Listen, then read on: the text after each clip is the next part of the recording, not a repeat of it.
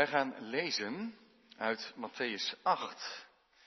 En uit Matthäus 8 lezen wij de versen 18 tot en met 34. Matthäus 8, vers 18 tot en met 34 is de schriftlezing.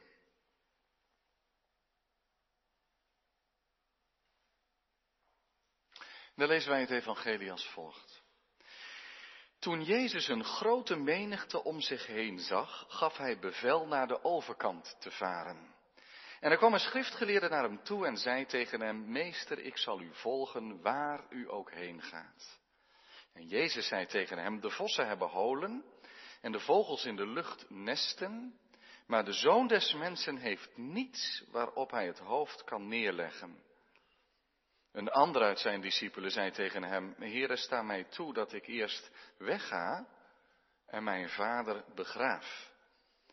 Maar Jezus zei tegen hem, volg mij en laat de doden hun doden begraven. En toen hij aan boord van het schip gegaan was, volgden zijn discipelen hem. En zie, er ontstond grote onstuimigheid in de zee, zodat het schip door de golven bedekt werd, maar hij sliep. En zijn discipelen kwamen bij hem wekten hem en zeiden, Heere, red ons, wij vergaan. En hij zei tegen hen, waarom bent u angstig, kleingelovigen?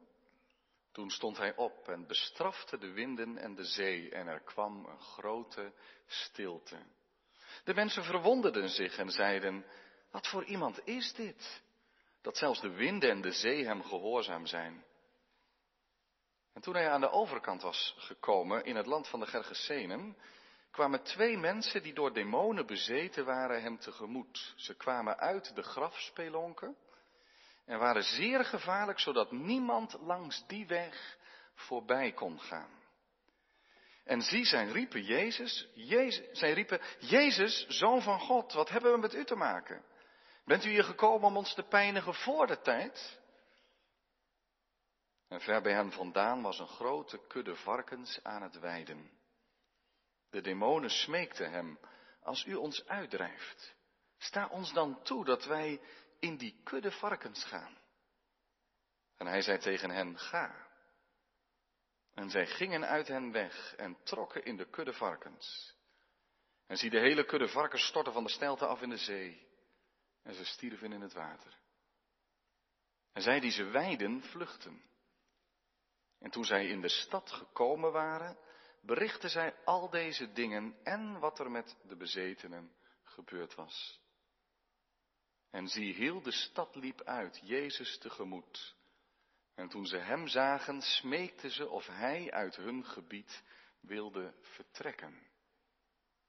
Tot zover lezen we Gods woord voor deze dienst. Zalig zijn zij die het woord van de Heere God geloven en daaruit leven.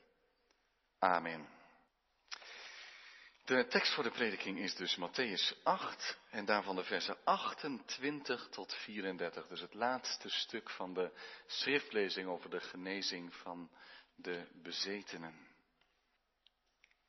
Gemeente van onze Heer Jezus Christus hier en thuis.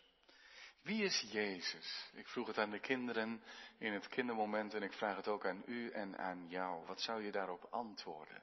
Wat is het eerste wat in je boven komt? Want die vraag wordt gesteld in Matthäus 8, en neem het er maar bij, vers 27. Maar het maakt wel uit hoe die vraag gesteld wordt. Want in Matthäus 8, vers 27, nadat de Heer Jezus de storm gestild heeft, is het een vraag van diepe verwondering van de discipelen, de mensen die zeggen, wat voor iemand is dit? Dat zelfs de wind en de zee hem gehoorzaam zijn, die zoals een schepper tot zijn schepsel spreekt. Wat voor iemand is dit? Ik denk dat velen op de vraag wie is Jezus ook binnen de kerk heel goede antwoorden weten te geven. En vooral zullen zeggen hij is de redder, de verlosser, de heiland. Die ons bevrijdt van zonde, omdat hij voor ons voor de schuld te betalen zijn leven heeft gegeven. En daar hebben we, dat, dat hoef ik niet te verdedigen, dat heeft onder ons volkomen zekerheid. Daar hebben we de kern van het evangelie verwoord. Maar er is meer.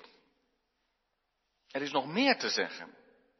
Het is opvallend dat die vraag, wie is toch deze, die aan het einde van dat stukje hierboven, vers 23 tot 27, nog wat blijft liggen, die blijft open. De daden van Jezus spraken voor zich. Een vraag van verwondering, wie is hij, wat is dit toch voor iemand? En dat als je dan verder leest, dat die vraag beantwoord wordt nota bene door de demonen. Want je hoeft maar even verder te lezen in Matthäus 8. En dan kom je bij vers 29 en dan, dan is Jezus daar aan de overkant gekomen. Die vraag die hangt daar als het ware nog boven het meer. Boven Jezus als hij uitstapt, wie is deze toch? En dan komen er demonen, die gaan op hem af en die zeggen, Jezus, zoon van God. En die geven antwoord, hij is de zoon van God. Een titel die gaat over de glorie en macht van Jezus. Jezus is de machtige bevrijder. Hij drijft demonen uit. Hij is sterker dan de dood. Hij is sterker dan de vorst van de duisternis. Hij is sterker dan het kwaad. Hij is sterker dan de boze, de duivel en al zijn handlangers, de demonen. Hij breekt de banden, de machten die mensen in de greep houden en kapot maken. We lezen in de evangelie veel genezings, over genezingswonderen. En genezingswonderen zijn tekenen van het koninkrijk van God. Je zou kunnen zeggen, het zijn plaatjes, illustraties bij de glorie van God, maar ook bij dat koninkrijk wat Hij komt brengen. Hoe Hij herstel geeft in zijn gebroken schepping. Hoe Hij zijn wereld herschept, daar zijn genezingswonderen, de plaatjes bij, zou je kunnen zeggen. Plaatjes ook bij wat de Heer Jezus uiteindelijk zal gaan doen als Hij zichzelf gaat opofferen aan het kruis. Dus eigenlijk zou je kunnen zeggen dat dat, dat, dat grote gebeuren daar op Golgotha, dat Jezus Christus zich laat vastnagelen aan het kruis om zo de machten te breken. Al die genezingswonderen en ook dit genezingswonder is daar een illustratie bij, een plaatje bij omdat Jezus daar elke macht die zich tegen God verheft en elke macht die de schepping in de greep houdt en mensen bindt en wil kapotmaken, dat hij die verbreekt. Dat doet hij daar aan het kruis. En dat doet hij ook nu aan de overkant van het meer. En laten we nooit vergeten als we deze geschiedenis lezen. Wat er in Hebreeën 13 staat. Jezus Christus is gisteren en heden dezelfde en tot in eeuwigheid. Dus zoals hij hier in Matthäus 8 is, zo is hij nog vandaag de dag. Zo kan hij ook echte bevrijding geven in ons leven. We luisteren naar deze verse in de Matthäus-evangelie onder het thema Jezus drijft de demonen uit. En het is misschien wat gek om dat direct toe te passen op ons leven, demonen uitdrijven, maar toch, laat deze, dit thema ook maar even boven ons leven staan. Jezus drijft de demonen uit. Hij breekt de machten van de boze, de verslaving, het egoïsme en geeft ook in de vergevende kracht van wat hij op Golgotha heeft gedaan, ook werkelijke bevrijding en vernieuwing. Het eerste wat opvalt in dit gedeelte, en daarom begon ik bij vers 18 te lezen, is dat Jezus niet per toeval aan de overkant van het meer terechtkomt. Al in hoofdstuk 8, vers 18, lezen we dat hij bevel geeft om naar de overkant te varen. Dat is wel bijzonder, want aan de westkant was het toch te doen. De westkant van het meer van Galilea, dat was ook de woonplaats van de Heer Jezus, Capernaum. Dat was het Joodse land, het land Israël, het beloofde land. En dat was het werkveld van de Heer Jezus. Hij zei nog nadrukkelijk verschillende keren, ik, ik, ben nu niet bezig met die andere volken, maar eerst roep ik de zonen van Abraham tot bekering. Ik zeg het even in eigen woorden, maar hij richtte zijn werk op Israël. En die andere kant van het meer, hij verplaatst zich naar de zuidoostkant van het meer van Galilea.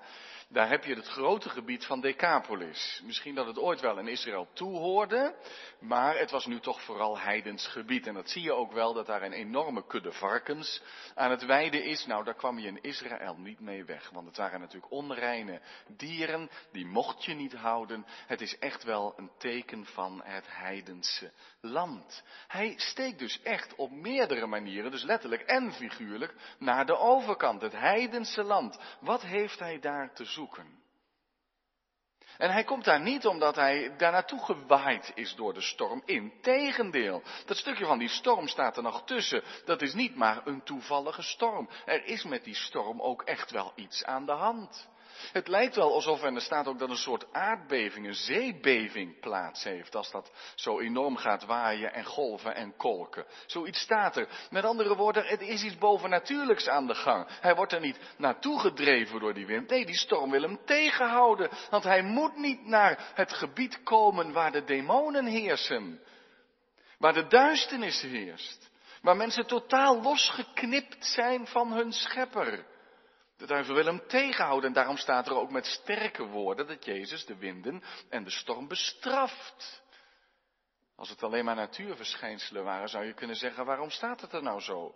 Er zit iets demonisch in die storm. En dan komt hij aan de overkant, want hij laat zich niet tegenhouden. En dan komt hij daar aan die overkant in het land van Decapolis en van Gardera van de Gergesenen. In dat land komt hij mannen tegen die bezeten zijn. Nou, dat komt in de Bijbel niet veel voor en het komt sowieso niet veel voor, maar het komt wel voor. Dat ik zeg het komt niet zoveel voor, is dat het in de Bijbel niet zo alomtegenwoordig is. In de evangelie lezen we het verschillende keren, maar je moet daar nooit de kern van het christelijk geloof van maken. Dat het christelijk geloof alleen maar zou gaan over bezetenheid en uitwerping van bezetenen enzovoorts. Maak er niet het een en het al van. Maar de Bijbel vertelt ons wel duidelijk de macht van de boze is reëel. Er valt niet mee te lachen. Let op, je moet het niet overschatten. Er is maar één koning, schepper koning, en dat is de eeuwige God. De duivel mag dan zijn tegenspeler zijn en veel macht hebben en zelfs ergens op een bepaald moment de vorst van deze aarde genoemd worden, de overste van de wereld. Maar er is er één die de macht heeft. Maar dat is dan toch ook wel het deel van Jezus' werk, dat hij gekomen is om de macht van de boze definitief te verbreken. En dat zien we ook in dit gedeelte. Dus onderschat de macht van de boze ook niet. En dat zie je wel in het leven van deze twee mannen hier. Ze zijn bezeten. En bezetenheid is niet dat de duivel invloed probeert uit te oefenen in een mensenleven, maar bezetenheid wil zeggen dat je echt overgenomen wordt. Komt dat voor? Ik denk het wel. Dit moet je ook niet weg willen verklaren, maar vanuit de psychiatrie of vanuit de psychose of zoiets. Dit is bezetenheid. En dat merk je ook als Jezus met deze mannen spreekt. Dan zijn het niet de mannen die antwoord geven. Het zijn ook niet de mannen die roepen, maar het zijn de demonen in hem. Dus die hebben deze mensen uitgekozen als hun woning. Er is geen ruimte voor God in deze mannen. Nee, de demonen, het zijn de meerdere, hebben bezit genomen van deze mensen. Ze hebben ze als het ware overgenomen. En dat betekent, en dat zie je altijd als de duivel zijn werk doet, zijn demonen, dat dat aangrijpende ellende met zich meebrengt. Die mannen zijn diep ongelukkig. De demonen maken alles kapot. Dat is het enige wat ze kunnen en wat ze willen. En deze mannen wonen in de graven. Dat zegt ook iets. Ze wonen bij de dood. Ze hebben voor de rest geen plek ook meer om te wonen. En ze terroriseren de omgeving, want in de omgeving is het zeer gevaarlijk. En als je dit gedeelte vergelijkt met de gedeeltes in, in Marcus en in Lucas, dan blijkt het dat ze door vele legio-demonen bezeten zijn en dat ze ook zichzelf pijnigen. Ze slaan zichzelf met stenen.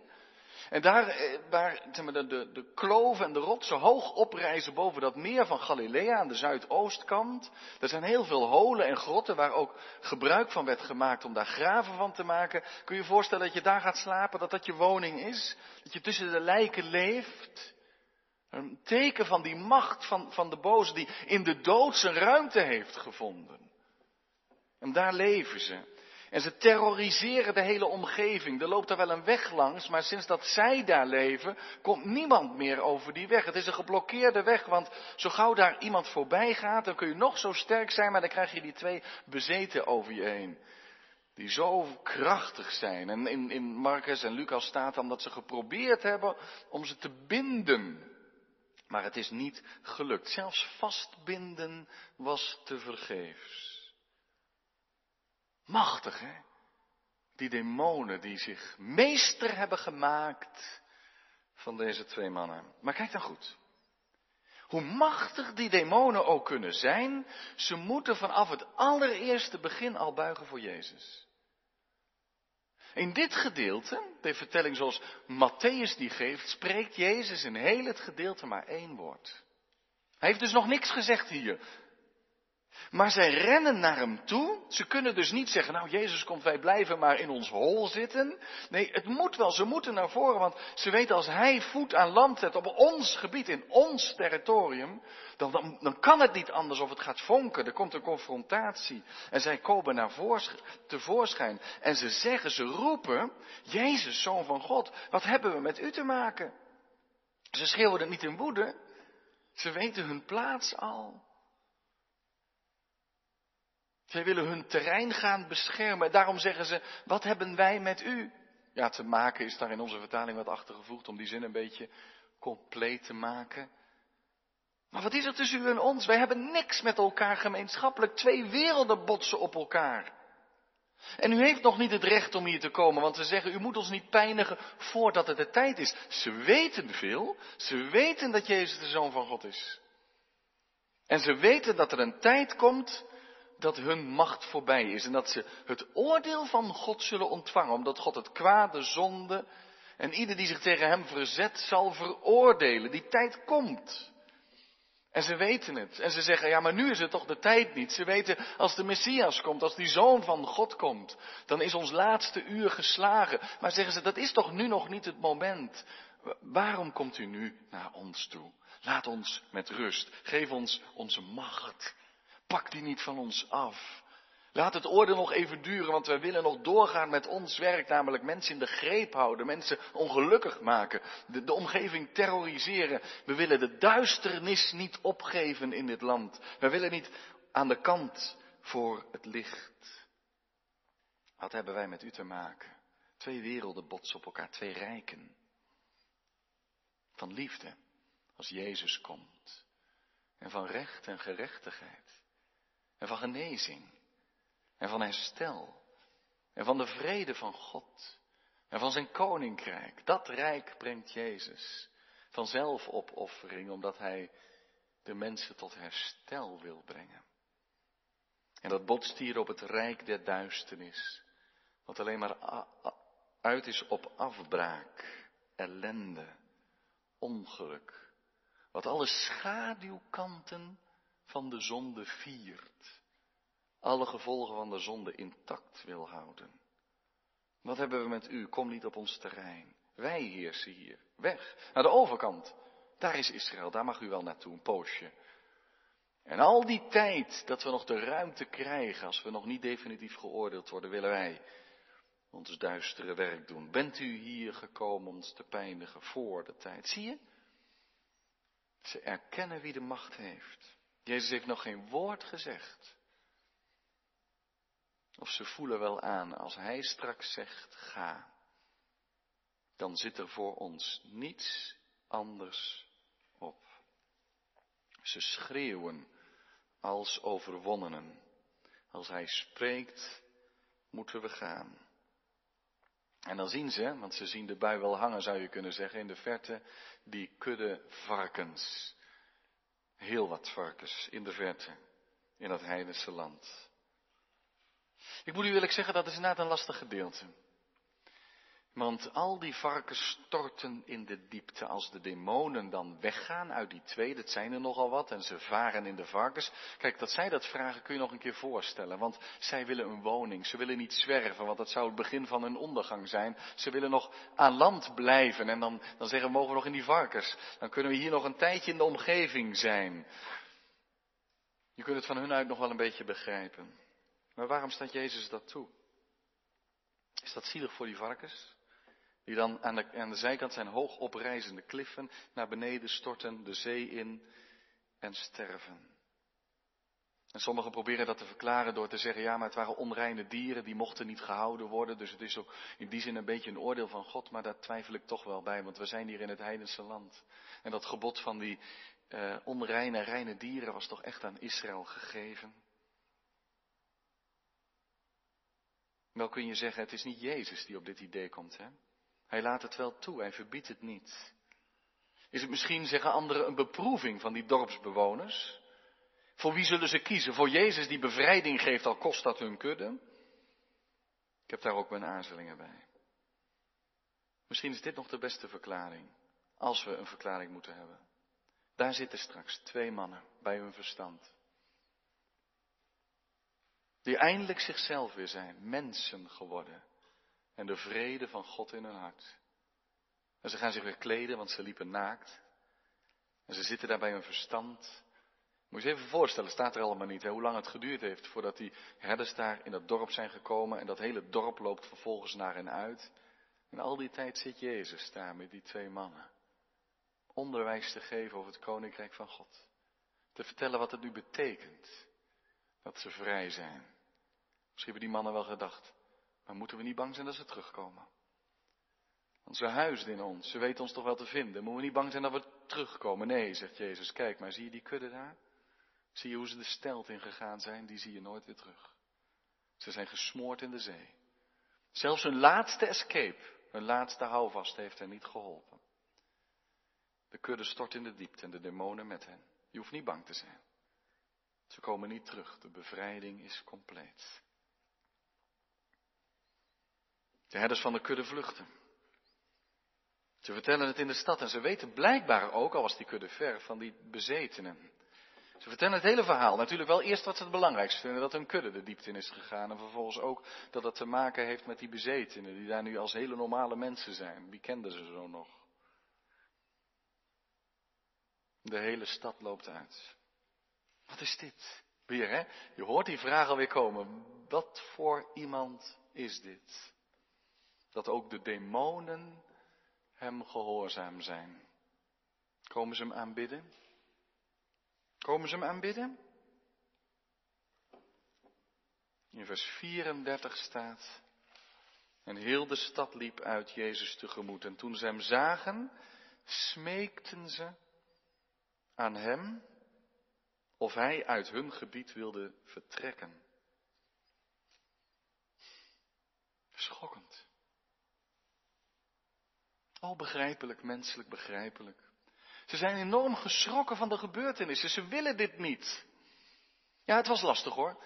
Die bezetenen. Ze hebben er natuurlijk ook wel baat bij, want straks gaat die weg weer werken. Want die bezetenen terroriseren en demoniseren de boel niet. Dat is natuurlijk allemaal heel, heel handig. Maar ze zijn zich wezenloos geschrokken. Wat een macht op hun land. Als Jezus komt, is er geen blokkade die hem tegenhoudt. Er kan geen weg voor hem afgesloten zijn. Hij geneest en hij bevrijdt. Oh ja, misschien speelt de kapitaalvernietiging ook wel een rol. Dat ze zeggen, al die varkens.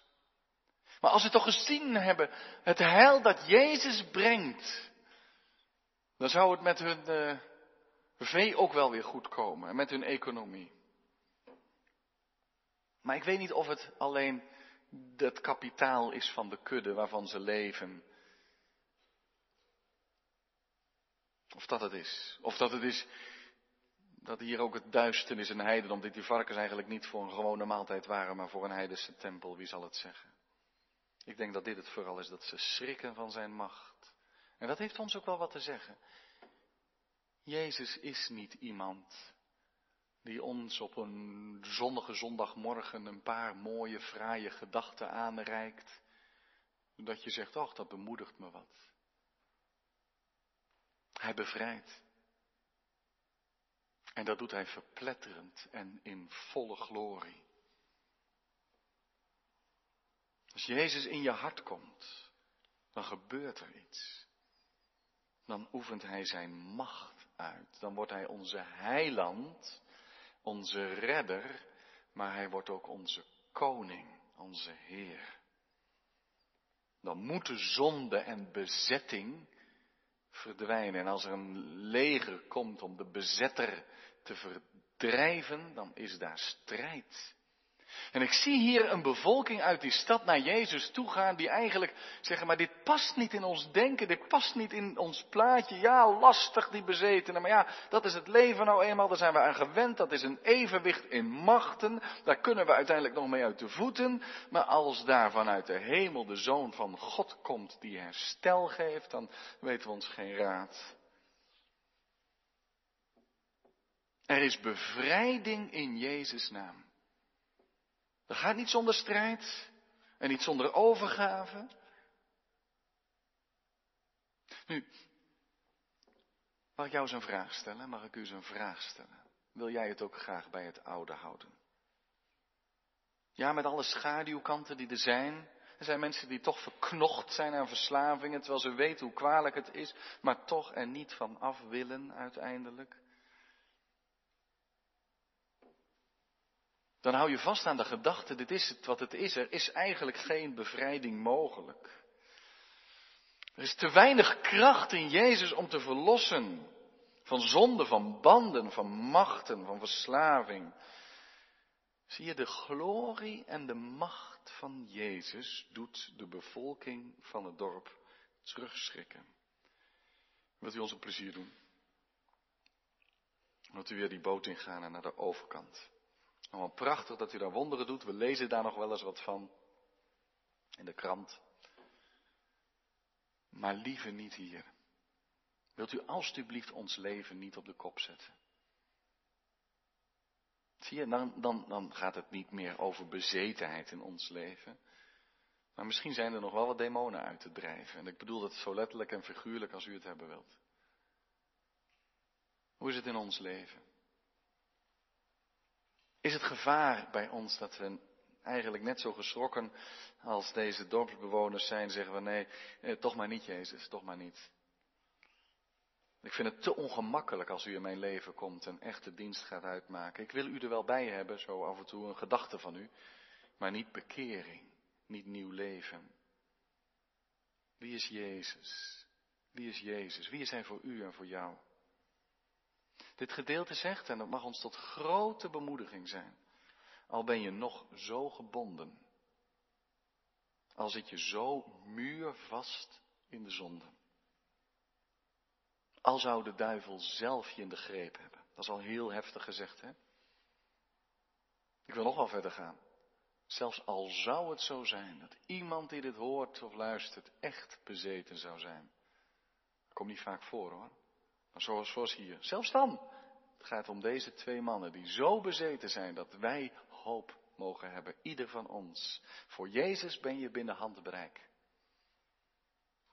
Hij wilde voor naar de overkant varen als het moet. En hij laat zich toch in storm tegenhouden. Hij is de machtige bevrijder. En dan zie je iets terugkomen van dat machtige evangelie wat al begint in Genesis 3 na de zondeval. Dat daar staat, maar het nageslacht van de vrouw zal de kop van de slang vermorzelen. En die slang zal bijten in de hiel. En dat is eigenlijk precies wat je ziet gebeuren in heel de geschiedenis van de Heer Jezus. Dat hij gekomen is om de Satan te overwinnen. Hij trapt er bovenop en al probeert de Satan nog in zijn hiel te bijten. De overwinning is er. Jezus is redder en bevrijder. Hij kwam om de macht van de boze te breken en dat doet hij nog in mensenlevens door de kracht van zijn Heilige Geest. En daarom mogen we zeggen, dat ene woord wat Jezus spreekt in deze geschiedenis, dat ene woord, mogen we zeggen met die hoofd van over honderd, die dat ook zei. Heere, spreek maar één woord en ik zal genezen zijn. Mijn knecht zal genezen zijn. Spreek maar één woord. Jezus hoeft maar te zeggen, ga. En er is bevrijding, bevrijding. En dan mogen wij zeggen, spreek dat ook in mijn leven, Heer. Dat banden breken. Oh, die dwaze ellendige afhankelijkheid van de zonde. Verslaving, onreinheid, hebzucht, lust, luiheid, egoïsme, bandeloosheid, angst. Je kunt erin verstrikt zitten. Maar wie hem vraagt, bevrijd mij, heren, mag op hem rekenen. In Jezus' naam moeten de duivel en moeten de demonen hun terrein prijsgeven. Ze moeten gehoorzamen. Wat voor iemand is dit toch? Dat zelfs de winden en de zee hem gehoorzaam zijn. Wat voor iemand is dit toch? Dat zelfs de demonen, die twee mannen totaal in de greep hebben, moeten wijken. Weet je wie hij is? Jezus is zijn naam. Redder, verlosser. Die de machten ontroond heeft en als het ware aan zijn praalwagen gebonden heeft. Ze tentoongesteld heeft. Die de dood heeft verbroken, de angst der hel heeft weggenomen. Die nieuw leven geeft. En die dat ook wil uitwerken in ons leven. Opdat we met alle zwakte die er blijft aan onze kant. Mogen opstaan in dat nieuwe leven. Door de bevrijdende kracht van onze Heer, Verlosser en Zaligmaker. Jezus Christus, de Zoon van God, die maar hoeft te zeggen ga. En ze gaan. En we worden bevrijde mensen. En we mogen luisteren naar zijn stem. Amen.